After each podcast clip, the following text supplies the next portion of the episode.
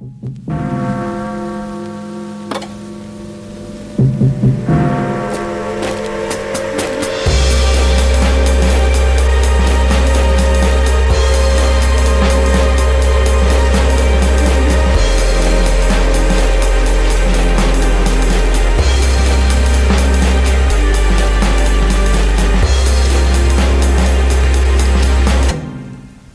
Kjære alle sammen, velkommen til Krigsrevyen. Kjære landsmenn. Kjære landsmenn, velkommen til Krigsrevyen. Vi har nå kommet til eh, den uken i krigen som går fra 5. til 12. november 1940.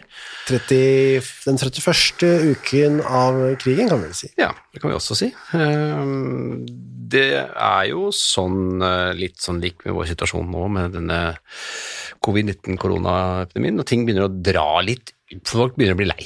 Ja. Eh, Det drar litt eh, ut. Det har gått en stund. Folk er nå veldig usikre på Man trodde dette skulle gå ganske kjapt over. Det skal det ikke på noen som helst måte gjøre. Det vet vi jo. Det har folk en idé om nå. Men er akkurat som eh, nå, så det, var det da et presidentvalg. Ja, så Sånn sett er denne uken ganske lik eh, den uken vi er i, i moderne tid. Eh, Da er det rett og slett sånn at eh, Roosevelt stilte jo da til valg, eh, og han stilte liksom til valg, gjenvalg for andre gang. Ja. Eh, Og han hadde en motstander som vi jo da ikke kjenner så godt, som heter Wilkie. Nei? Wendell Wilkie. Ja, Wilkie, ja. For republikanerne, han har jeg aldri i mitt liv hørt om. Nei. Eh, og som dere skjønner, så var det da heller ikke han som vant eh, valget. Nei, det var ikke det. Det var ikke det. Eh, Men det som var spesielt, er jo at Roosevelt da gikk inn i ble valgt for sin tredje periode. Mm. Det er det jo ingen som har gjort før, og ingen som har gjort siden. Foreløpig. Nei, men er det ikke sånn eh, Nå må noen komme og arrestere oss, men er det ikke sånn at dette er lovfestet? Jo Det er ikke mulig, egentlig, for en amerikansk president å sitte lenger enn to, to perioder. Men eh, lover kan forandres, vet du. Ja, ja, ikke sant? Ja, ikke sant? Det ble Roosevelt, ja. Og så da alle Wilkes-tilhengere ble skuffet, men i Norge, som, eh, da som nå, tipper jeg, ja. Var eh, Nå tipper jeg bare. Ja. Folk heide på demokratene, Ja. sikkert. Ja, sikkert.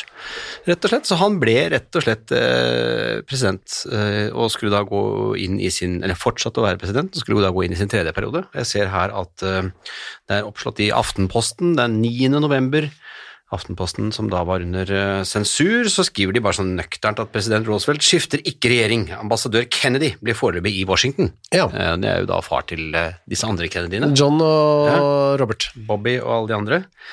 Eh, og det står at uh, Jeg vet ikke om det er en sånn uh, om det er noen falske nyheter her, men de, de hevder at Roosevelt hadde bomma ordentlig på hva han trodde han skulle få av stemmer, og hadde bare regnet med 340 valgmenn. Og det, han regnet altså 160 eh, valgmenn feil. Ja. Ble påpekt her i Aftenposten 9.11.1940. Det er jo fremdeles en liten stund igjen til Amerika går inn i krigen, så det her er jo ikke USA i krig med Nei, så man er jo fortsatt liksom eh, omtalt, men man har vel en idé om at det er en del av vestmakten. Ja, det kan man tenkes Ja, ja, ja. at man gjør.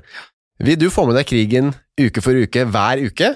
Framover kommer vi til å publisere tre reklamefrie premiumepisoder i måneden av Krigsrevyen, eksklusivt på Podme. En episode i måneden publiseres på alle plattformer. Gå til podme.com eller last ned appen i dag, så kan du teste Podme Premium helt gratis i en måned. Der får du tilgang på Krigsrevyen, så vel som en masse andre reklamefrie, bra premiumpodkaster. God lytting!